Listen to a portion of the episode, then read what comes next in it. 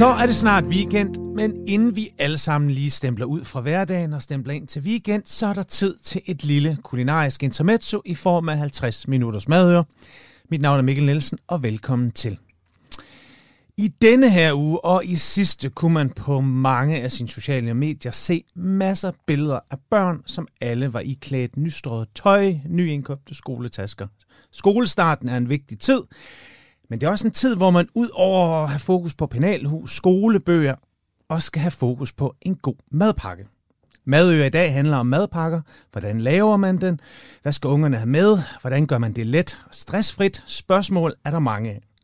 Og til at give os en grundig kulinarisk introduktion til madpakker, madpakkelavning, smøring, pakning, forberedelse, har jeg inviteret en kompetent gæst, som har en Ph.D. i madpakker. Og det er dig, Louise Laurent. det var til. meget fornemt. Tusind ja, tak. Ja, men jeg har lavet min research, og der er altså bare en, der har styr på madpakkerne der. Og det er vi glad for. Ja, altså jeg vil sige, jeg er jo øh, sindssygt lettet i år til skolestart, fordi jeg har faktisk kun øh, to børn, der skal have madpakker Ej. i skolen. Jeg er en, der sluttede med 9. klasse sidste år, så der er simpelthen ikke flere madpakker til hende. Og hvordan, har du egentlig, og hvordan har du det med at smøre madpakker? Jeg kan lige så godt imellem os to indrømme, du bare at øh, nej, det gør jeg faktisk ikke, fordi jeg synes egentlig, det er sådan en meget fed måde at sende en hilsen med fra, øh, fra mig til ja. mine børn, sådan til deres lange dag væk fra mig som de jo sikkert ikke synes er så langt, som jeg synes.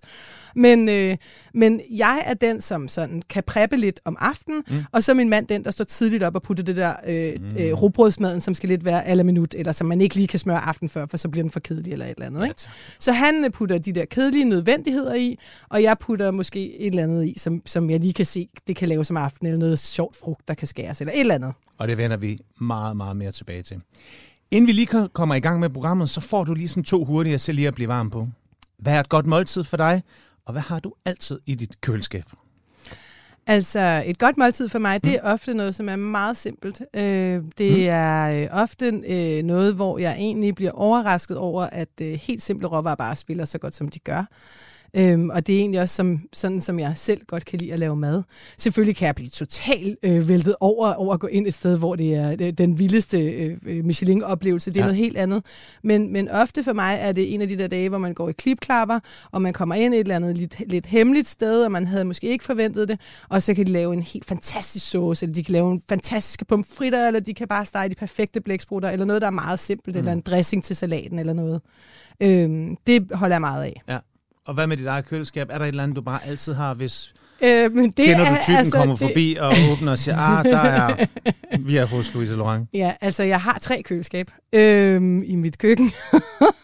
Et, og så ja, okay. der er utrolig meget, jeg altid har. Hvorfor har du tre? Øh, jamen det er, jeg arbejder jo, jeg har jo hele tiden råvarer igennem mit, øh, mit eget private køkken, ja. fordi inden jeg skal på foto, så kommer det igennem hjemme hos mig selv. Øh, og så har jeg bare generelt meget mad. Øh, så skal jeg teste noget, eller jeg skal lige gøre et eller andet med noget. Men, men helt hovedregelsagtigt, så er det øh, delt op sådan, at jeg har et køleskab, som er sådan privat, og som er med kød og mælkeprodukter og pålæg og mm. yoghurt og alt den slags. Og så har jeg et køleskab, som er kun grøntsager. Øhm, og så har jeg et køleskab, hvor der er øh, øh, altså altid kolde drikkevarer. og så er der også øh, alt det, som jeg skal bruge til foto, så at man ikke kommer til at forveksle de ting. Okay, men hvad er der altid i dit eget? Der er mange ting, der altid er. Der er altid bunkevis af grøntsager. Der er altid løg, citrusfrugter og kål. Og mm. der er næsten altid en ferment ting. Næsten altid kimchi eller øh, fermenterede gurker. Nice. Det er Må man godt låne fra de andre køleskab, hvis man lige står og mangler en lille ting, eller er det strengt forbudt? Altså, jeg må gerne, du men må mine gerne. børn må ikke. Ja, Det handler som sagt om madpakker i dag, men inden vi når til det, så synes jeg lige, vi skal prøve at klæde lytterne ordentligt på i forhold til, hvem du er. Fordi man kender dit ansigt, man kender også din stemme. Du er kok, du er opskriftsudvikler, tv-vært, du har været på Godmorgen Danmark, du har været på DR i Maddysten, du laver kogebøger, og jeg, jeg tror, du har lavet over 20 kogebøger, kan det passe? Ja, det har jeg, ja. Nogle af 20. Har du, er der timer nok i døgnet til alt dit mad, og alt dit udvikling, og alt dit uh, kreatørship?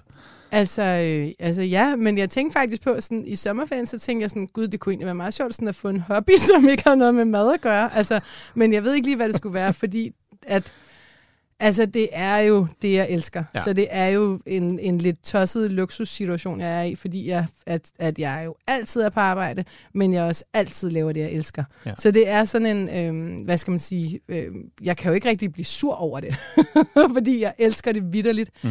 Øh, ja, så, men du har fuldstændig ret. Ja, der er meget mad i mit liv. Vi kunne egentlig godt tænke os at høre, hvor din madinteresse kommer fra, og også lidt om den her kokkebaggrund, fordi øh, hvorfor er du ikke på sådan en øh, Michelin-restaurant og kører service og så videre? Hvordan endte du her, hvor du endte? Øhm, jamen, altså for det første, så troede jeg overhovedet ikke, at jeg skulle være kok. Øhm, jeg troede, at jeg skulle være... Det er der virkelig mange af vores ja. Gæster, der siger. Så er der en studievejleder, som alligevel siger noget, eller så var jeg lige ude og smage lidt på det. Ja, ja. Nå, men det er sjovt. Men jeg troede, jeg skulle være dramatiker. Jeg ville rigtig gerne skrive manuskripter. Øhm, og det kan man, altså der, skal man, der er måske sådan virkelig, virkelig få mennesker i Danmark, der kan leve af det. Ja. det. Jeg kunne i hvert fald ikke leve af det, da jeg var helt ung overhovedet på nogen måde. Okay. Øhm, og så endte det med, at jeg sådan gik og lavede lidt mad øh, i weekenderne for at tjene penge, imens jeg lavede sådan forskellige forsøg med at prøve at lave noget teater, eller skrive noget teater. Øhm, og så lavede jeg lidt sådan selskaber rundt omkring for folk. De havde sådan fundet ud af, at jeg måske var okay god til at lave mad, og så kunne jeg lige hjælpe dem med at lave noget, noget mad og tjene nogle penge, fordi det tjente jeg vidderligt ikke på at skrive. Ja.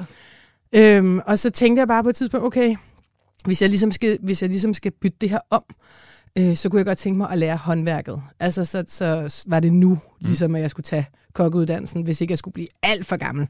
Fordi der er mange, der er 16, når de starter på kokkeuddannelsen. Og hvor langt er vi tilbage nu? Altså, jeg tror faktisk, at jeg var, øh, skal jeg lige tænke en gang, har jeg været 25 eller sådan noget. Okay. Så jeg var jo sindssygt gammel. Ikke? Fordi det var jo, jeg var jo lige så gammel som køkkenchefen, da jeg startede i lære. så, øh, så jeg var jo bare mega gammel. Og jeg vidste egentlig godt, øh, da jeg startede, at jeg ikke ville ud og stå på en restaurant og have det som livsstil. Okay. Men jeg synes, det var enormt fedt at lære håndværket, og så se, hvordan jeg kunne bruge det på min måde. Og det kunne du ikke bare selv have tillært, tillært dig selv ved at bare lave mere og mere mad. Vi har jo masser af store kokke i dag, der ikke har... Jo, det kunne jeg måske godt, men jeg ved ikke, det var, øh, det var bare sådan, altså det var sådan en tilfredsstillelse bare at sige, okay, det er simpelthen, øh, man kan bare starte i lære, og så er der nogen, der bare øh, pøser alt deres viden ind i hovedet på en, og Ja. man får lov til at bare stå og bruge sine hænder. Øhm, så, så jeg synes egentlig, det var, øh, det var logisk for mig at gøre det på den måde. Så hvor var du i lære hen? Jamen, det var jeg på en lille restaurant ude på Frederiksberg, der hedder Frederiks Have, øhm, som ligger nede bag øh, porcelænsfabrikken. Og hvordan var det? Og fortæl os lidt om din kokkeuddannelse. Jo, og, men og det var et helt perfekt sted, jeg var, fordi det var, øh, det, det var en, eller den er der stadigvæk, det er nogle andre, der ejer den nu, men øh, det er en lille bitte restaurant, og vi var, da jeg startede der, en øh, køkkenchef og en souschef, og så to-tre elever. Okay. Øhm, så det vil sige, at vi fik jo lov til at lave alting. Vi stod ikke bare og skrællede løg, vi stod også og skrællede løg, men vi fik jo lov til at lave alt fra starten af, og vi var relativt voksne mennesker, alle elever. Så, så det var ikke, øh, altså, så jeg fik ikke ligesom den der, man hører. Jeg fik ikke en øh, lussing med en snitsel, og jeg fik Nej. ikke, øh, altså, det var ikke kun øh, at bælge ærter. Det var det også, øh, men, men det var også at få lov til at, at lave rigtig mad og, og køre øh, et rigtigt parti. Så det var, det var egentlig ret vigtigt, netop fordi jeg var så voksen, at jeg fik lov til at gøre alle de der ting fra starten af. Så derfor blev jeg hængende. Men du forelskede dig aldrig i, i det at være restaurantkok og køre service og tempo og alt det her, som man jo en gang imellem hører. Fuldstændig. At, altså øh, jo, og jeg må sige, at jeg kan godt savne det der med, når man står i et køkken, øh, og alting bare spiller, at øh, jeg kan godt savne den der fornemmelse i kroppen, man har lyst til at sætte øh, pinligt dårlig øh, musak til, fordi det bare funker så godt.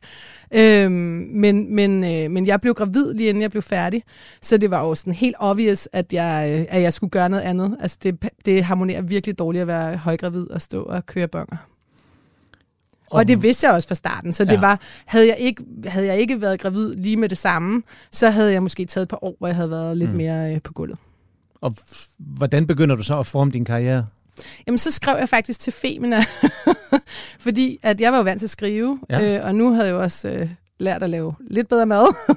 så, så nu så skrev jeg så øh, faktisk til deres øh, chefredaktør, øh, at jeg havde siddet og kigget på deres madsider, om ikke jeg kunne få lov til også at prøve at lave sådan nogle madsider for dem. Øhm, og så gik der lang tid, øh, hvor jeg bare, altså, hvor jeg bare egentlig lige, der, eller lang tid, der gik nogle måneder, hvor jeg så bare var færdiguddannet, og hvor jeg var gravid, og hvor jeg ikke ligesom kunne øh, få et job som kok. Så jeg gik egentlig bare og var lidt gravid. Så holdt jeg lidt tirsdagsmiddag eller onsdagsmiddag, hed det, hvor mine venner kom og spiste Mm. en gang om ugen. Så kunne jeg prøve nogle ting af på dem. Og så mærkeligt nok, så skrev jeg alle opskrifter ned, fordi jeg synes, det var vildt sjovt. Og så ringede Femina, og så sagde de, øh, om jeg ikke ville komme og tale med dem. Øhm, og det ville jeg jo selvfølgelig gerne. Så jeg kom over og mødtes med deres chefredaktør og deres madredaktør, og var ret højgravid. Og de sagde, okay, du er virkelig, virkelig gravid. så sagde jeg, yes. Men det var jo kvinder, som forstår, at jamen, kvinder kan alt. Også højgravide damer. Øhm, så de sagde, jamen, hvordan kan du? Kan du starte så? Så kan du lige starte nu, og så kan du lige lave lidt, og så kan du komme tilbage igen, mm. når du er født. Øhm, og så fik jeg en side der. En side hver uge. Øhm, og det blev meget, meget hurtigt til mange flere sider. Så, så det vil sige, at jeg startede faktisk altså, direkte. Du kunne lige løfte kameraet, øh, tilte det lidt, der stod en portion et eller andet mad, så kunne du lige tilte det lidt, så lå min, min lille baby der på siden af pastaen. Men det, det her med, så tog jeg bare hende med. Det her med at finde på og udvikle opskrifter, passer det egentlig ikke også meget godt i tråd med at være på en restaurant? Altså startede det også allerede der, hvor du var i din lærtid? Ja, fuldstændig. Men altså på restauranten er det jo, øh, altså, er det jo køkkenchefen, der står for den slags. Det er jo køkken, altså sådan på den måde. Men han, øh, han kunne godt have lagt mærke til, at at her har jeg et menneske, som faktisk er ret kreativ og kan sætte noget sammen, der måske også giver rigtig god mening. Jeg havde egentlig mest frit spil i det søde køkken, ja. i dessertkøkkenet, fordi det interesserede ham ikke så meget. Så det havde jeg egentlig øh, rimelig meget frit spil i. Øhm, men, øhm, og det synes jeg stadigvæk er okay, men det er det salte køkken, som jeg synes er sjovest. Ja. Og hvor mange opskrifter tror du, det er blevet til tidens løb? Nej, det tør jeg ikke at tælle, men Nej. jeg prøvede forleden at tælle, hvor mange det cirka om året, men jeg er ikke sikker på, at jeg at sige det højt. jo, kom med det. altså, det er over 1000. Det er simpelthen over 1000. Ja. Altså, Men det... du skal også tænke på, at det er jo Øh, altså, det er jo ikke øh, hele tiden noget nyt. Jeg laver jo også øh, måltidskasser, for eksempel, øh, ja. for årstiderne. Ja. Og, og selvom det er noget nyt, der kommer i hver gang, fordi vi følger sæsonen, og man skal se, hvad er der på marken, og hvad kan vi få brugt øh, til, hvad kan det blive til den her uge, og mm. hvad skal sætte sammen, så er det jo stadigvæk øh, ikke helt fra scratch. Forstår du, hvad jeg mener? Ja, man vil jo gerne have en risotto, og man vil jo gerne have en Præcis. pasta-ret og sådan Præcis. der. Så på den måde er det jo lidt snyd, så er det jo lidt fake. I en ikke så nær fremtid håber jeg på at lave et program om madører, der kommer til at handle om signaturretter. Ja. Fordi det er for mig også en, sådan, det, det er sådan en essentiel del af gastronomien, det her med, at der er nogen, der også har fundet på en ret. Ja. Har du en Louisa Laurent? Altså, det, det jeg sådan set tænker på, det er, at, øh, at der er jo nogen, der har fundet på retter, som sådan er klassiske. Ja, som og som er eller, præcis, ja. og deres eget. Og, øh, og, har jeg sådan en? Ja, har du sådan en Louisa Laurent? Sådan øh, hvor jeg bare tænker, den der, den sad jeg lige i skabet. Der er ikke nogen, der har lavet den før. Det er min. Altså, det ved jeg sgu ikke. Altså, jeg, må indre, altså, jeg prøver virkelig at gøre meget ud af ikke at lave noget, som er direkte nogen andres. Ja. Altså, fordi det er jo, mit job er jo at lave noget, der faktisk er nyt hver gang. Øh, men det er klart, at der er jo nogle af de der klassikere, som har jeg sådan en... Det vil, skal vi ikke lige vende tilbage til det? Så tænker jeg lidt over det, fordi det kan jeg overhovedet ikke sige sådan bare Nej. bum. Jamen fuldstændig. Det skal du have lov til. Madpakker. Det skal som sagt handle om madpakker. Den forhatte, svedige sølvpapirspakke med tørt rugbrød og svedig lev på steg, eller den smukt indpakkede mor har brugt timer og en lille sløjfe og et lille brev. Hvilken type er du? Midt imellem. Midt imellem. Ja. Jeg, øh, Udover at jeg kommer aldrig sølvpapir i mine madpakker, er Nej. jo sindssygt. Det er altså bare farligt, det der aluminium. Det er virkelig, virkelig hæftigt for miljøet at producere. Så, så det er no-go? Så det er bare sådan en, allerede nu, lad os lige få det der sølvpapir ud af madpakken. Øhm, hvad hedder det? Så det kommer i papir, i madpapir. Ja. Øh, og i papir, eller i, hvad hedder det, stofposer. Helt hippieagtigt. Det må man egentlig godt lidt tænke over, tror jeg, fordi der er afsindig meget affald i de der madpakker der, ikke? Hvad Nå. betyder madpakker egentlig for dig?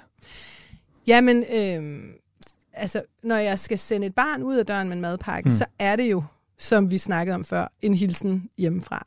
Øh, og det tror jeg slet ikke, mine børn opfatter. De synes bare, at det skal bare være praktisk, og så skal de køre det ned. Især de to, jeg har i skolen nu. Jeg har en pige i første klasse og ja. en dreng i 6. klasse. Okay. Øh, og de er begge to sådan nogle, hvor det skal gå lidt stærkt. Øh, så de, øh, de tænker bare, er det lækkert, eller er det ikke lækkert? Og så, så spiser de det, og så håber jeg ikke, at de smider det ud. Hvis det ikke er lækkert, jeg håber, de tager det med hjem. Fordi det er jo en ret vigtig pointe, at ungerne tager de ting med hjem, de ikke spiser, så man har en chance for at lade være med at putte lige præcis den ting i, som de ikke kan lide. Ikke? Jo. Øhm, men, det, men det betyder noget for mig at vide, at de har fået noget at spise, som er ordentligt. Øhm, og så, ja, så betyder det noget for mig, at, at, øh, at de ikke... Øh, ja, synes, at det bliver trivielt, selvom at de faktisk nogle gange godt vil have, at det er mega trivielt. Altså kommer dine børn også og brokker sig, for det gør mine. Jeg har to næsten tilsvarende dine. Mm. Og øh, det er heldigvis ikke mig, der laver øh, madpakker. Det er min kone, som står op og gør det hver. Og jeg har en, der er lidt halvkredsen, den anden er sådan lidt selektiv, så hjemme hos os, der er det sådan nogle gange sådan lidt hadechancen. Det tror jeg, det er. Altså, det er Ja. altså, og det er også det, jeg mener med, det er min mand, der ligesom ligger det sidste touch om morgenen. Mm. Det er ham, der putter. Og han er faktisk... Altså jeg vil sige, at han overtager det også mere og mere. Han er virkelig god. Ja, det er sådan lidt tavligt, for så kan jeg få lov til at komme og sige sådan, uh, nu har jeg lavet en fin lille dimmerdudelut. Fordi at, øh, at hvis han ligesom laver alt robrødsarbejdet, så i bogstaveligste forstand, så er det jo nemt at lave en fin lille dimmerdibedut.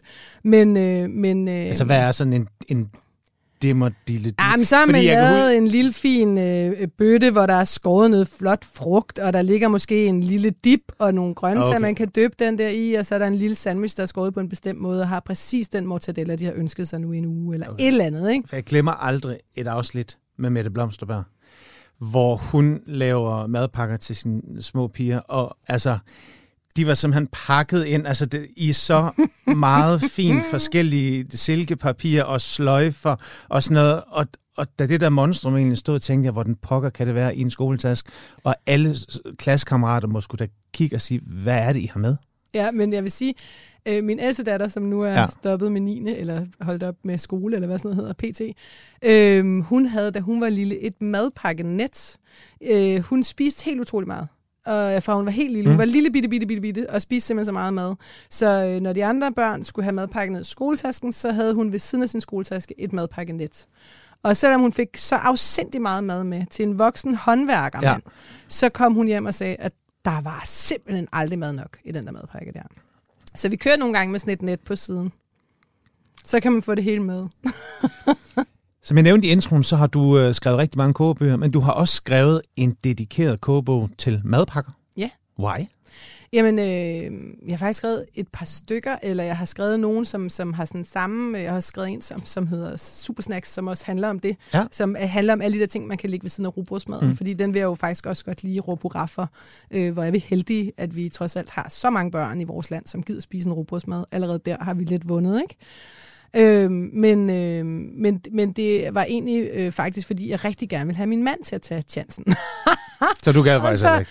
Og nej, det, altså, det er jo, jeg tror, man gider godt nogle gange, men man gider bare ikke hele tiden. Man Nej. nej. gider godt, når ungerne er glade, og man gider godt bare de dage, men det er da fedt at kunne skiftes lidt, ikke? Jo. Altså, men, men jeg synes, at der var rigtig mange, der spurgte til det, og folk synes, det er rigtig svært, og jeg synes, der er mange løsninger, der kan gøre, at det bliver nemmere for en selv. Og det er jo det lige præcis, vi dykker ned i her lige om lidt. Fordi madører er lige med tips og tricks, og kan vi bare levere nogle gode råd til alle vores lyttere om, hvordan man gør det let overskueligt, så er jeg sikker på, at der er mange, der får endnu gladere børn og nogle meget lettere morgener, hvor man lige kan få en ekstra kop kaffe og ikke skal stå og skændes om, hvem der gør hvad og så videre. Så, øh, så hvor begynder vi? Jamen, det er præcis faktisk fuldstændig som du siger, fordi for mig er det rigtig svært at stå og gøre om morgenen. Jeg har, altså, jeg har tusind andre ting, jeg skal gøre, Mm. så jeg vil rigtig gerne snakke øh, om madpakken, når vi spiser aftensmad. Okay. Øh, fordi at øh, det er typisk, at man får et eller andet, øh, så har man måske spist nudler eller noget stegt kylling, eller man har spist, hvad ved jeg, lasagne. Det kommer også an på, hvad for nogle børn man har. Men, og der har man typisk også skåret nogle grøntsager, lavet en sammenselsalat, lavet en salat, whatever. Øhm, og der er rigtig mange af de her elementer, som passer godt i en madpakke. Så hvis man ved på forhånd, når man laver sin aftensmad, hey, jeg har to-tre børn, der også skal have madpakke i morgen, Mm. så snak om det, imens man spiser aftensmad. Så kan det ligesom pege, så kan det sige, hey, jeg synes bare, det var vildt lækkert med den der melonsalat, eller jeg synes, de der kyllingspyd var lækre. Og så tager man lidt af de der rester fra allerede, og starter madpakken der. Øhm, så har man de der øh, to-tre madpakker kørende, og næste morgen skal man måske netop bare lægge rugbrødsmaden i. Det kan også være, at man siger, øh, vi skal have pizza til aftensmad, og man har slået en dej op til, til pizza, øh, eller ovenikøb, eller altså helt alvorligt har købt sådan en, øh, efterhånden kan man få sådan noget pizzadej, som er uden for meget ballade, altså ikke de der, øh, man, men sådan en rigtig dej, Ja, ja. som egentlig bare er vand og salt og, og gær.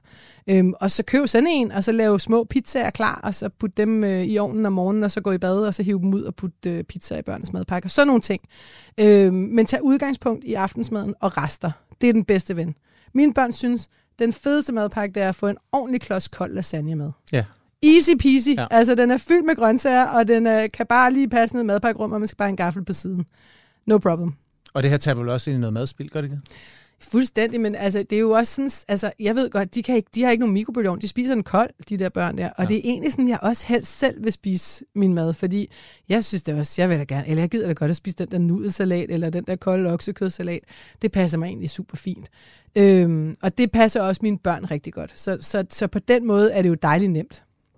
Hvad med sådan en sammensætning af sådan, nu har vi ikke snakket sådan så meget sådan, sådan sundhed og næring og sådan, er du sådan helt uh, fuldstændig uh, op og ringe over det, eller er det mere, handler det egentlig mere om at få noget i ungerne, som de, som de gider at spise, og som i sidste ende giver dem noget energi? Nej, altså jeg vil sige, at det er vigtigt for mig, at der altid er virkelig meget frugt og grønt til rådighed i deres madpakker. Mm. Øh, og vi har en aftale om, at de tager det med hjem, og jeg vil, det, det største problem er for min yngste datter faktisk, fordi hun kan nærmest ikke nå at spise sin madpakke. Hun... Øh, hun synes, at alt muligt andet er mega sjovt, og hun er, altså, hun, så skal hun lige snakke med fem veninder, og så når hun måske slet ikke at spise bare halvdelen af den der madpakke der. Øhm, så hun tager det med hjem, og så når hun kommer hjem, er hun ofte rigtig sulten, så spiser hun resten der. Mm. Altså ikke sådan noget, der ikke kan holde sig, men netop sådan noget frugt og, øh, og grønt, som, som man har pakket, det kan man sagtens spise også, når klokken er 3-4 stykker. Og øh, man kan sige, madpakker må vel egentlig også ændre sig sådan meget over tid. Nu sagde du lige, at din store pige var gået ud af... Vil hun stadigvæk gerne have en madpakke med fra mor? Altså, jeg har jo, jeg har jo hele tiden gået og sagt, at når ens børn bliver til altså en vis størrelse, øh, så skal de bare selv lave den der madpakke. Hvad er det for noget? Hvorfor render vi rundt og servicerer dem sådan der? Mm. Øhm, og det har vi overhovedet ikke efterlevet i vores familie. Vi har lavet en madpakke helt til 9. klasse ja. med. Mega øh, dumt, altså, men yeah. det har vi. Og hendes behov var helt klart anderledes. Der skal du lige pludselig skal du sammenligne dig selv med, øh, i, i hendes tilfælde, hun går i skole inde i byen, Torvhallerne og 7-Eleven og McDonald's. Det er dine konkurrenter. Ja. Så det gælder altså om at lave noget, som er rimelig hipt, øh, og som kan være lige så øh, fedt at sidde og spise øh, nede, hvor de nu end sidder, øh, og spiser deres frokost i Kongens Have, eller hvor de nu når at gå hen, øh, øh, som det, du ville have kunne købe på en eller anden fancy øh, lille biks på vejen. Ikke? Så der går også sådan lidt trend og lidt modtendenser i uh, madpakken? Ja, det gør der 100%. Især når man når den alder, hvor de, hvor de kigger på, hvad hinanden har med. Det gør de nok faktisk altid, kigger på hinandens madpakker. Ja. Øh, men, men, øh, men lige der, der er, du ikke både, der er du ikke kun i konkurrence med de andre børn og deres øh, madpakker, men der er du i konkurrence med alt, hvad der er tilgængeligt af fastfood inden for 400 meter fra skolen. Så det første gode råd, vi ligesom kan give videre, det er at bruge de her rester. Yes. Som man ligesom har allerede tænkt ind, der også når man laver sin madplan. Altså forberedelse, forberedelse, forberedelse. Fuldstændig. Og selvom vi har prædiket det så ufattelig mange gange i det her program med alle vores kyndige gæster, så er det jo alligevel bare det, der falder ned, og man glemmer, og det aldrig bliver til noget, og man stadigvæk står der klokken 6 og siger, okay, hvad skal vi have i dag? Vi skal have det her, ikke? Så er man jo stadigvæk bagud på pointen, når klokken så ringer, og man skal op og lave madpakke. Fuldstændig, men det er bare, og jeg tror, at jo mere man vender sig til det, jo mere naturligt er det bare, øh, fordi at det er jo bare en dejlig hjælp til sig selv, øh, at der er noget, der er preppet. Mm. Øhm, og det kan jo være hvad som helst. Altså, det, er jo, det hele kan jo transmogriffes om til en madpakke på en eller anden måde nærmest, ikke? Og som du selv siger, det er en fed måde at få brugt rester på også. Kan man sige, at der findes sådan ligesom basic varer, som sådan lige passer rigtig godt til madlavning? Noget, hvis, du sådan, hvis du altid har det og det og det, så kan man sgu altid lige smide en god madpakke sammen. Ja, altså hvis du altid har sådan noget af det, vi kalder snackgrønt, altså grøntsager, der er hurtige at øh, konsumere, så man er nemme at konsumere, især råt. Man kan jo selvfølgelig også dampe dem, men det er jo nemmere for os alle sammen. Mm. Øhm, og du altid har frisk frugt, og du altid har øh, rugbrød, og måske en eller anden form for spread. Øh, jeg siger, at det nogle gange godt kan være en spread, fordi der er virkelig meget pålæg.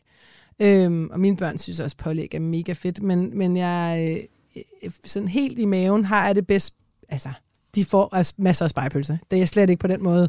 Øh, men jeg synes, det er mega fedt, hvis vi engang imellem kan skifte det der sådan, øh, producerede kød ud med noget andet. Og når du siger spread, hvad mener du så? Så kunne det være en hummus, eller en øh, guaca, eller et eller andet. Noget, som, en guaca skal man måske lige lave øh, samme morgen. Men, øh, men noget, som man kan putte på brødet, som ikke er forproduceret kød.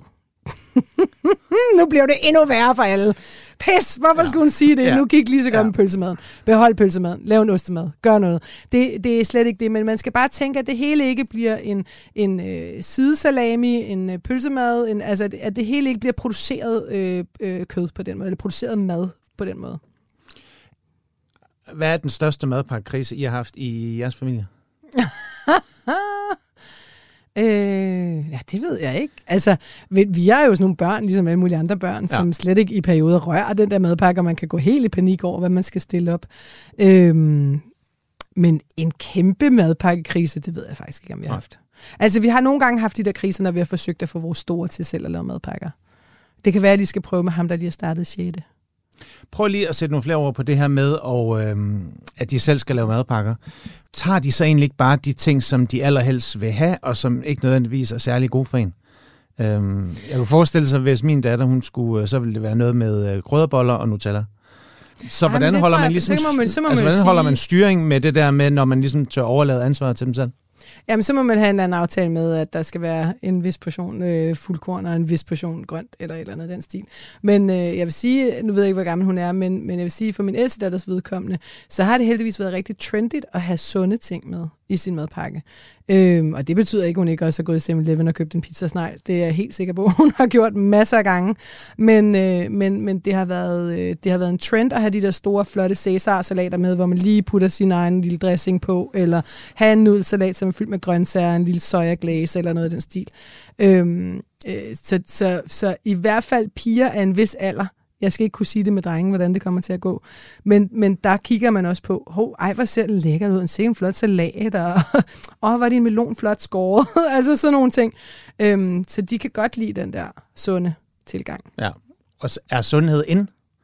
Det tror jeg virkelig, det er, ja. ja. Øh, og igen, det betyder ikke, at de ikke går på McDonald's og køber en cheeseburger, når de har vundet den på deres app.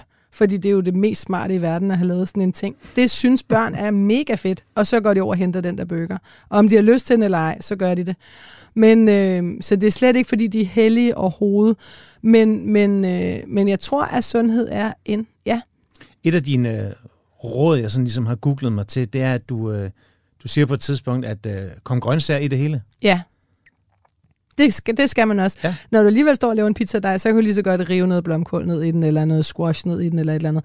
Altså, det forsvinder rigtig meget ind i sådan en... Altså, jeg må også sige, at jeg har sådan en ting med... Øhm, ikke, altså jeg elsker rugbrød, når, mm. øh, og jeg, men jeg elsker også hvidt brød, altså kridhvidt brød, også noget tortillas og sådan noget, hvis jeg skal lave en wrap, sådan en fuldkornstortilla, det er simpelthen det mest kedelige i hele verden. Jeg synes virkelig, det er en straf. Men sådan en kridhvid tortilla, synes jeg er fantastisk. Ja. Så i, i mit lille private sfære her, så vil jeg hellere bare have en øh, stor kridhvid tortilla, så prop den med kål, for Ja. eksempel, Ja. end jeg vil have sådan en som en, en sådan halvbrun, øh, tør øh, øh, fuldkornstortilla, og så øh, fylde den med kylling, og så have fået fibre sådan. Jeg vil hellere øh, pleases. Altså, jeg har, altså, undskyld, jeg har også lidt sådan, jeg har det også virkelig svært ved fuldkornspasta og sådan noget. Jeg Jamen, kan jeg virkelig godt Altså, Altså, er jeg kan glad. virkelig godt lide rigtig øh, sådan noget hvide og hurtige ja. kulhydrater. Så jeg henter gerne øh, fibre og de der ting, som, som, øh, som man selvfølgelig også skal have, dem vil jeg hellere hente fra grøntsager. Ja. Så hvis det betyder, at jeg står og laver, og nu tror du sikkert ikke på det, men hvis jeg laver sådan nogle helt platte, hvide, øh, store focaccia-boller eller et eller andet, ja. som er perfekt til en madpakke, så kan det rent faktisk lade sig gøre at rive blomkål ned i den der dej, uden der er nogen, der opdager den. Tværtimod, så, tværtimod, så kommer det til at funke som, altså de giver noget øh, fugt Mm. til den, så den holder sig ligesom sådan, den bliver ikke lige så hurtigt tør, hvilket er meget fedt, så kan man lave den aften før. Øhm, og der, altså, jeg sværger, der er ikke nogen, der opdager Altså virkelig du. blomkål? Seriously, fordi squash kan de se. Ja. Men squash smager heller ikke af noget. Ja, ja. Men squash kan de se, og så bliver du bustet. Og jeg er ikke sådan en typen heller, der går og siger, det hemmeligt. Altså, men, men øh, ja. Jeg kan huske, min ældste, hun sagde engang til mig, jeg spurgte hende, vil du have røræg til morgenmad? Og så sagde hun, jeg vil virkelig gerne have røræg uden squash. Og så tænkte jeg, ja, okay. Så der havde jeg ligesom trukket den lidt for langt. Ja. men, men du kan altså godt slippe afsted med det der med at putte grøntsager i din dej. Og også blomkål? Jamen, Det, det, seriously. det, lyder, det lyder virkelig Ej, men jeg mærkeligt. kommer tilbage og sætter nogen. Lige pludselig står der nogle Jeg øh, focaccia være- foran din ja, dør, og så... Ved du hvad? Det skal prøves. En anden ting, som man heller ikke kommer udenom, men du har også selv du nævnt flere gange, det her med rugbrødet. Ja, Det hører stadigvæk hjemme i madpakken, eller hvad? ja.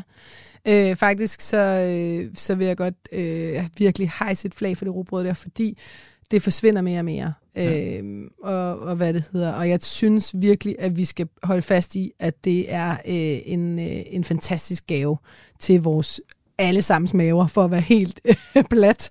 Men det er det, fordi at det, øh, som jeg selv er inde på, eller som vi snakker om, det der med det helt hvide brød, ja. jamen det er der plads til, fordi du også har spist en rugbrødsmad. Hvis du kun kører hvidt brød, så bliver det hele bare en stor, fluffy øh, flødebolledag. Altså, øh, så, så rugbrød er vigtigt, og det forsvinder desværre ud af flere og flere børns liv. Hvorfor så, tror du det? Øh, jamen... Øh, jeg ved det ikke. Måske fordi, at, øh, at vi har været sådan en generation af pleaser-forældre, der har hørt, at de sagde, at de der fluffy hvide focaccia-boller uden blomkål, det var det eneste, de ville have. Øhm, og det er fint nok, men, men prøv at holde fast i robrød. Husk det, inviter dine unger ud og spise fantastisk smørbrød, så det bliver en del af deres øh, kultur, og så de synes, det er mega fedt at få det med i madpakken. Hvis du skulle pege på et par opskrifter eller sådan inspirationsting til netop at blive bedre til at få øh, rugbrødet med i madpakken. Og jeg kan simpelthen bare tage udgangspunkt i mig selv. Min yngste, hun spiser det simpelthen ikke. Nej. Men hvis vi en gang imellem er netop ude at spise øh, smørbrød, sidst tror jeg, vi var, var vi på Palægade, ja. der vil hun sjovt nok godt spise det. Ja. Men der sker altså et eller andet i den der sammenhæng med madpak, og det ligger øh, nogle timer, og det bliver presset sammen med proteinet eller et eller andet. Altså, der sker et eller andet, der bare gør, at det ikke er særlig fedt at tage op kl. 12. Men jeg forstår det godt, altså, fordi jeg har det fuldstændig på samme måde. Jeg mm. synes, sådan en madpakke er rigtig svær. Jeg vil virkelig være ked af det, hvis det var mig, der skulle have sådan en tre timers gammel madpakke hver dag. Jeg synes virkelig, det er hårdt. Især hvis man øhm, ikke har et øhm, køleskab, man kan Men præcis, og det tror jeg, der er rigtig mange børn, der ikke har. Ja. Øhm, så, så sådan noget helt plat. Altså sådan noget, øh, øh, frys en øh, lille smoothie og put ned i, så den holder dine ting kold øh, så bliver de glade for smoothien, når klokken er et eller et eller andet, og inden de skal på fritter, eller hvad de nu skal.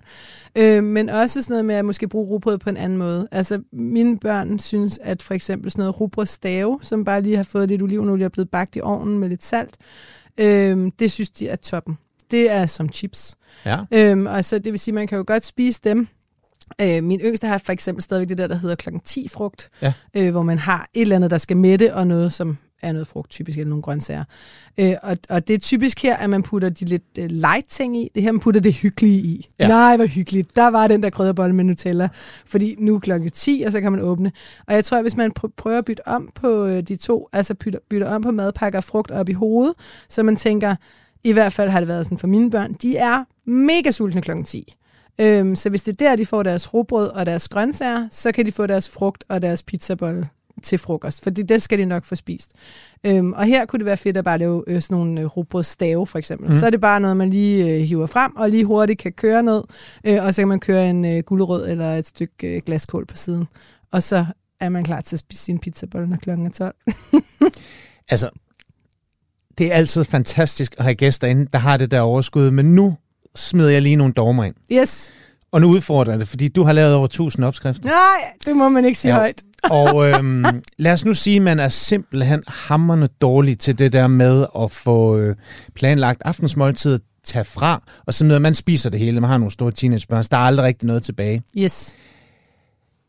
Kan du ikke smide sådan tre lette, sådan gode go-to øh, opskrifter på god frokost. Altså noget, der bare giver mening. Måske noget, vi sådan kan vride lidt øh, og bruge sådan flere gange, eller et eller andet. Nu ja, skal vi have altså, min, min personlige favorit, der jeg har sådan en uh, sojadressing. Det lyder ja. helt vildt plat.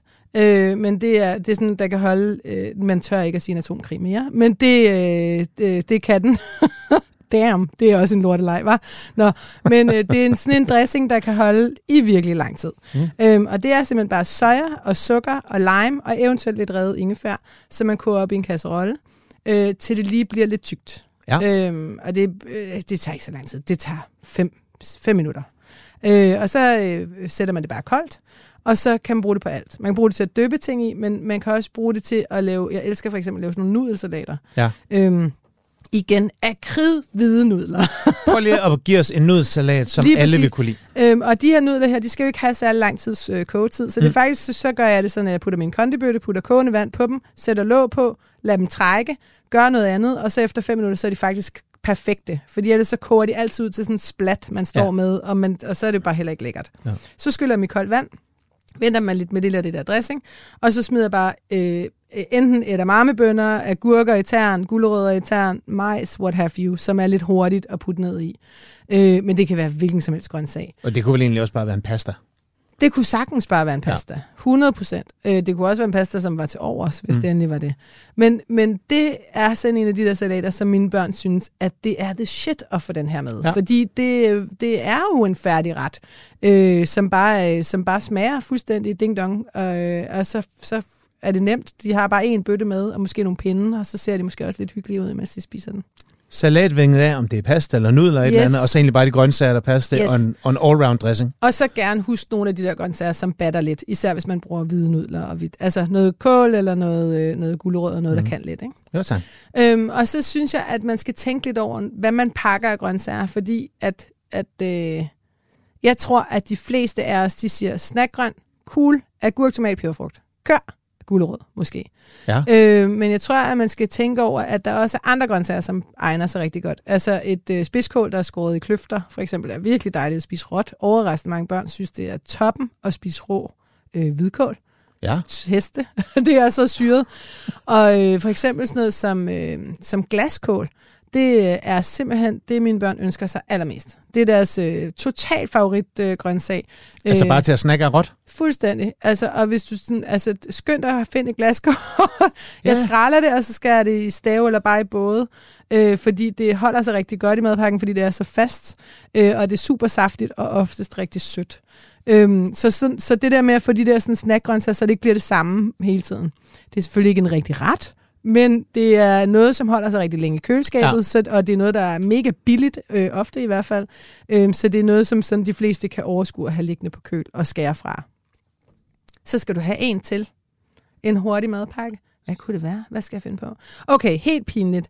Du er altså, du prøver at undgå det der salte pålæg der, ja. men du vil gerne have rugbrød. Så du køber hos din allerbedste grønhandlerven eller i dit supermarked en god hummus. Man ved som regel, hvad for en, som er anstændig nok til, at man køber den, hvis man ikke selv har tid til at lave den. Ja. Og så smører du rugbrød med hummus og agurk. Bum. Det kan alle lide. Altså, det ved jeg jo ikke, om alle nej, kan. Nej, jeg nej. synes, det er ja. mega lækkert. Ja. Jeg kan godt lide det. Hvad med de her øh, meksikanske pandekager, tortillas her? Wraps er ja, altid wraps. populært. Altid populært. Altså mine børn synes, det er toppen, når de får dem. Så ja. det har du fuldstændig ret i. Har man det, og så noget sprød salat, og så, altså, så kører det også bare. Igen, det, der kan du have en rest kylling eller et eller andet. Du kan også, der kan du måske slippe afsted med at putte lidt fisk i. Ja, og det er en ultimativ madspils Jamen, det er det virkelig. også, ikke? Ja, Fordi det er det man, virkelig. man kan bare bygge alt muligt op på den. Ja, lige præcis. Og børnene bliver mega glade. Man kan også putte lidt kogte ris i, eller lidt kogt quinoa, hvis man har det, så det batter lidt mere. Er der egentlig sæson inden for øh, madpakker? Altså, er det noget ja. andet, du vil pakke om vinteren? Altså, er der mere rugbrød og mere sådan, sådan old school, og så bliver det sommer, og så er det sådan lidt mere lette og mere frugt, eller hvordan? Nej, øh? der er jo, man følger jo selvfølgelig sæsonen, men jeg tror, at den sæson, du ser rigtig meget inden for madpakker, det er, ja. at lige når en ferie er sluttet, så er alle børnenes madpakker virkelig fancy, og når der så er gået to uger, så øh, er det lidt mere trist igen. Så jeg tror, at vi alle sammen opper os lidt mere, når vi, vi tænker, nu er det nu. Det er i år, hvor jeg bare er den super madpakke-type.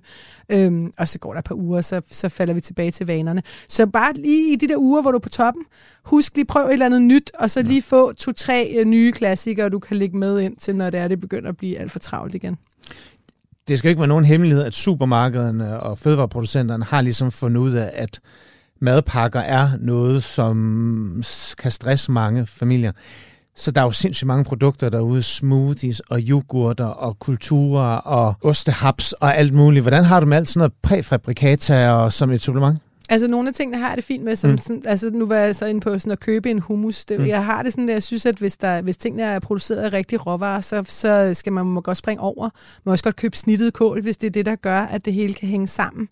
Øhm, hvad det hedder. Jeg har det stramt med, øh, med falske oste og øh, og så noget kindermælksnitte og sådan noget, som, som er en kage. Øh, jeg har det meget bedre, hvis man, hvis man synes, at ens unger skal have en kage, fordi det bare har været en kæmpe lorte onsdag morgen mm. eller et eller andet, og så putte en rigtig kage i ja. madpakken. Altså, så det er ikke, fordi jeg sådan er sukkerforskrækket. Men, men de der produkter, som giver sig ud for at være noget, som de ikke er, det har jeg det selvfølgelig rigtig dårligt med. Øh, og jeg synes, det er mærkeligt, Øhm, også sådan noget myslibar, som bare er altså ding dong, øh, fuldstændig. Ja. ja. Så vil jeg nærmest hellere give dem en Mars, fordi ja. så ved de, hey, hvor er det sindssygt, i dag har jeg fået en chokoladebar mm. med. Øh, på vores skole er der ikke så mange restriktioner, man kan gøre lige, hvad man vil. Det er nogle steder, der vil man... Men det forvirrer vel også de der unger der, når man putter alle de der præparater i, som, som kamuflerer det som, som sundhed, ikke? Det er i virkeligheden det, jeg ja. tænker. Ja, det er det, der faktisk er, er mit problem. Plus det oftest er fyldt med multiindsætningsstoffer. Ja. Det er en Mars sikkert også. Men jeg, vil, jeg kan godt lide, at man kan sige, nu får jeg en kage. Fedt, hvor jeg bare mega glad ja. for den. Øh, og så får jeg jo et, øh, de andre dage nogle nødder og nogle rosiner eller nogle aprikoser, eller hvad nu man kører, hvis man skal have det der søde til, til sidst. Så, for at opsummere, og nu må du virkelig bare bryde ind. Brug aftensmåltidet. Yes. Tænk forud, når I laver madplanen. Yes. Tag nogle ting fra, som ligesom kan agere bund eller første element i madpakken dagen efter. Yep. Pak det allerede ved aftenbordet. Ja. Du sagde no-go til sølvpapir. Ja. Hvad er det bedste? Altså, vi, vi har sådan en hel skuff med kondibøtter, og hver gang vi falder over en ny variant af en madpakke med flere rum og en lille deler og alt det der, men det bliver væk. Altså, Ja. det, altså hvad, hvad, hvad, hvad, hvad er det bedste der? Altså, Jeg bruger faktisk øh, kondibøtter, de der, sådan, dem som ikke er de klassiske firkantede, men dem som er sådan lidt mindre, Ja. øh, og, og stadigvæk er en liter, men er høje. De er Ja. mega gode til sådan noget nudelsalater og sådan noget. Ja. Øhm, og det er også dem, jeg bruger til selv at bakke op i mit køkken, så de er ligesom tilgængelige. Men ellers så bruger jeg rigtig meget madpapir. Det er selvfølgelig også noget spild. Men så bruger jeg gerne øh, stofposer til at samle Mm. mm. i sådan der. Så slipper man lidt, lidt mindre. Så slipper man med lidt mindre affald. Yes. Rugbrødet skal vi bevare. Det er en Yes. tradition, om det enten er hjemmebagt, et godt købt, eller Yes. i mange sjove stigt og sprødt og krutonger og alt muligt. Ja, præcis. Og Jeg så synes, er grøntsagerne. Og så grøntsagerne. Og et stykke frugt. Ja, det putter jeg altid. Jeg putter altid frugt i, eller som du var inde på, hvis det er sommer, så kan det være, det er bær eller melon eller noget i den stil. Det er altid lidt svært at pakke det, så, øh, men, men øh, der er altid noget frugt tilgængeligt. Mine børn har, min søn har altid sin frugt med hjem. Det spiser han ikke. Nej. Men så er jeg til gengæld styr på, at man har spist ja. det. Og så kan det være, at fordi nogle gange er det bare nemmere at have en hel nektarin med, øh, i stedet for en skåret nektarin, fordi det er nemmere, den holder sig ligesom lidt bedre nede i den der skoletaske der. Så kan det være, at jeg skærer den, når han kommer hjem, og så gider han godt at spise den. Så det er fint nok. Så har jeg stadigvæk styr på, om han har spist den eller ikke spist den, jo kan man sige, ikke? Jo. Så min datter spiser det meget. Og så når en gang imellem, det skal være godt, så the real deal, ikke? Ja, I stedet helt. for, ja. Ikke noget, øh, jeg, jeg er ikke så vild med det der camouflage noget. Jeg synes, det er fint. Ja. Men grøntsagerne er jeg rigtig glad for. Ja. Men som alt muligt andet, når det handler om god mad og sundhed, så handler det altså om at have en lille smule overskud til at handle ind og kan se muligheden. Fordi det er jo røvsygt at stå klokken kvart i otte og åbne køleskab og sige, nå, hvad skal det være i dag? Ikke? Og det ender jo bare i dårlige madpakker, dårlig næring og børn, der Ja, men jeg vil sige også, husk at tale med dine børn. Altså Ja. at tage dem med ud og købe ind. Øh, tage dem med ned hos den fedeste grønhandler i byen og sige, prøv her, nu skal du bare vælge noget her. Fordi nogle gange så vælger de der børn jo netop noget, som er virkelig mærkeligt, som de voksne måske ikke har prøvet før. Måske vælger de den der glaskål eller en eller anden dims. Og så er man nødt til at forholde sig til, gud, men det er da også meget lækkert. Hvordan pakker vi på den bedste måde passionsfrugterne i din madpakke, for eksempel? Ja. Det synes mine børn er toppen at få med, ikke? Øhm, men, men så har de valgt en eller anden ting i deres madpakke. Det er meget fedt, og uanset om de laver den eller ej, igen, jeg hæpper på, at de skal lave den, men jeg er selv virkelig dårlig til at gøre det i praksis.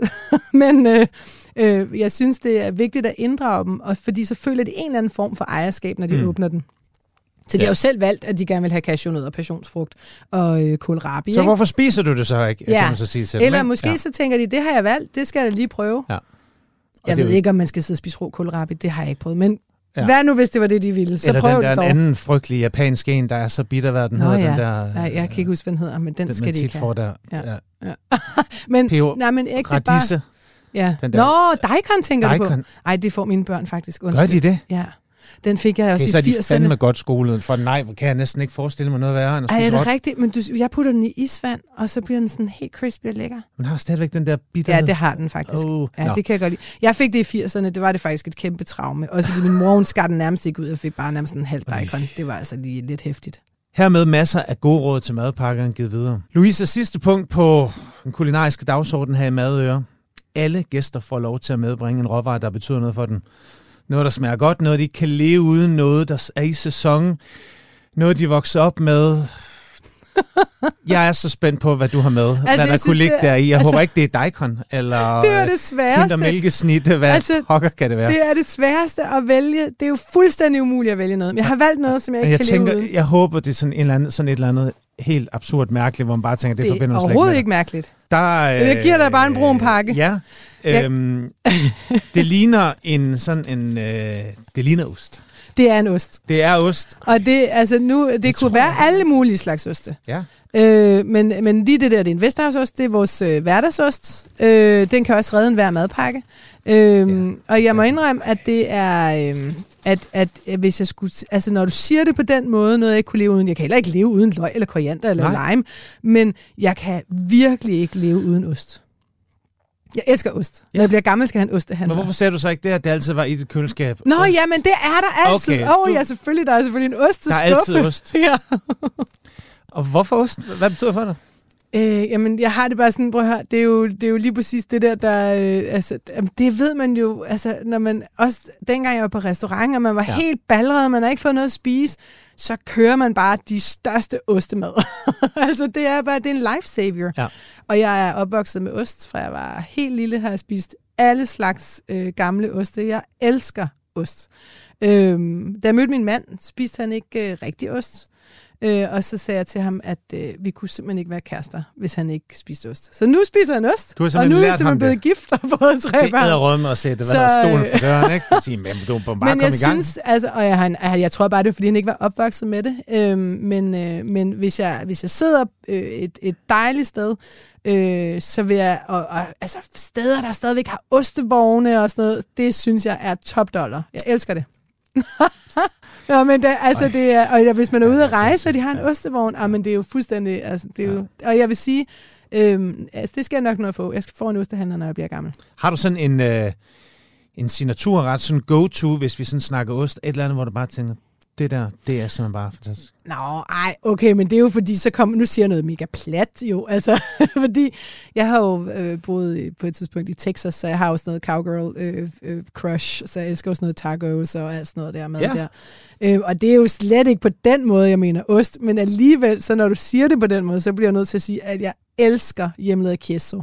Altså, det, Ja, det er jo bare sådan en skål med, altså med smeltet ost, som man dypper sine chips prøv lige Men at hvis bryde det er den ned. hjemmelavet, så er det jo jamen, bare har jeg det ald- det har jeg- vildeste Det har jeg fået, men jeg har aldrig lavet det. Prøv lige at Jamen tage, altså, give det, den videre. typisk laver du sådan en eller anden Det er jo weekend form lige om for, lidt, øh, så Ja, men prøv at høre, det- man ja. bliver så glad. Okay. Typisk laver man sådan en eller anden form for opbagning, og så putter man noget ost i, som, øh, som er sådan helt plat. Du ved, noget cheddar og sådan noget, men gerne også noget, som kan smage lidt. Noget gruyère er dejligt at putte Ja. i, for eksempel. Eller noget i den type, den stil. Ja.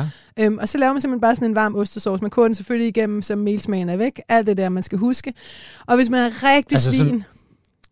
Hold it, lady, hold it. Yes, Opbagning. Du Ja. er så chef, ikke også? Der er jo folk, der... Så vi, har, vi, vi tager en gryde. yes. En klat smør. Smelt smør, Yes. pisk mel i, Tilsvarende mel. put lidt mælk i, Mælk Yes. yes. lidt ad gangen. riv noget op. ost. Ja. Yes. put det i, og lad det stå og boble, så Ja. ja. øh, i, i hvert fald i 10 minutter. Ja. Øhm, og hele tiden spæd med mere mælk, hvis man har behov for det. Yes. Hvis man så er et rigtigt svin, og det er man, for det er weekend lige om lidt. så øh, tager man chorizo først, eller noget andet, sådan lidt stærk pølse. Så steger man det af på panden med lidt bløde løg, så man laver sådan en, du ved, man tager det ud af skinnet. Og så har man det der fede chorizo, der ligger i sin egen olie med bløde løg, og man har den der ostesauce. Og så samler man det rigtig pænt i en fin skål, og så topper man det med en helt frisk salsa, sådan en pico de gallo, som er lavet af friske tomater, frisk koriander, løg og chili, som er stærk og frisk. Topper man også ovenpå, chorizoen derover, og så får man chips til. Og så store margarita. Ej, men prøv at høre, det var meget godt, vi også fik sagt det, for det lød virkelig artigt, det der med robrød hele tiden. Jeg skulle lige til at sige det. Der er jo sådan en rigtig greasy girl inde i dig der. Fuldstændig. Jeg Ja. elsker fast food, Ja. og jeg tror, det er derfor, at det er vigtigt for mig hele tiden at spise grøntsager. Ja. Fordi jeg kunne aldrig gå forbi en queso og sige, ej, det behøver jeg ikke i dag. Fordi Nej. jeg vil altid sætte mig ned og sige, at jeg skulle have to portioner og en margarita, og så gå hjem og spise kål. Du har boet i Texas, ikke? Jo, Ja, der har de det fuldstændig fantastisk. Hver år til Super Bowl, ja, jeg ser ikke fodbold, men jeg elsker igen også yes. Nogle af de der ting, der laver jeg en, hvor, øhm, som er baseret på øh, rigtig gode bønner. Sådan refried Ja, beans, ja. der virkelig bliver knaldet igennem med Yes. rødløg og lidt brun sukker. De elsker. Mm. sukker i alt det salte. Så bliver den toppet med øh, rigtig meget cream cheese. ja, Der er en lille smule. I et ildfast fad. yes. Og så bliver der igen også bare revet sådan cirka 2 cm af en sådan god cheddar, eller røget cheddar. Ja. Og så kommer den i ovnen. Det er sådan en fræk triple dip. Yes, Ja. lige præcis ned. Og så igen, nogle rigtig gode chips, eller noget brød, eller et eller andet. Og så bliver det bare sådan noget stringy, gooey, mm, som vil- jo smager Ej. så rart, som Ja. at falde ned i velure, ikke? Altså, jeg tror, Altså. at det der queso, det tror jeg også lige er dig. Jamen, det, det, det lyder det virkelig til. Mm. Jamen, øh, så jeg tror, vi kommer omkring det hele. Den sunde madpakke, og så endte vi på den her øh, lidt øh, greasy vibe her. Ja, så en med øh, godt videre til, øh, til weekenden. Tiden går, når man er i godt selskab. Vi kom forbi madpakken. En masse gode tips og tricks. Vi stoppede lige op ved den her signaturret, om der var en ret, der virkelig står Louise Laurent på. Har du fundet på en, eller skal vi bare sige, at det var den her queso dip? Altså, jamen, jeg vil da elske at claim den. Det er ikke mig, der har fundet på den. Det her er min version af Ja. ja. den. Øhm, og glad er det måske er det godt nok. Det lyder i hvert fald fuldstændig lækkert, og noget, jeg skal hjem og lave her over weekenden her. Tusind tak, fordi du vil være med i Madøre. Madøre, det er hver fredag kl. 14.05 på Radio 4. Jeg hedder Mikkel Nielsen. Tusind tak for i dag, og rigtig god weekend.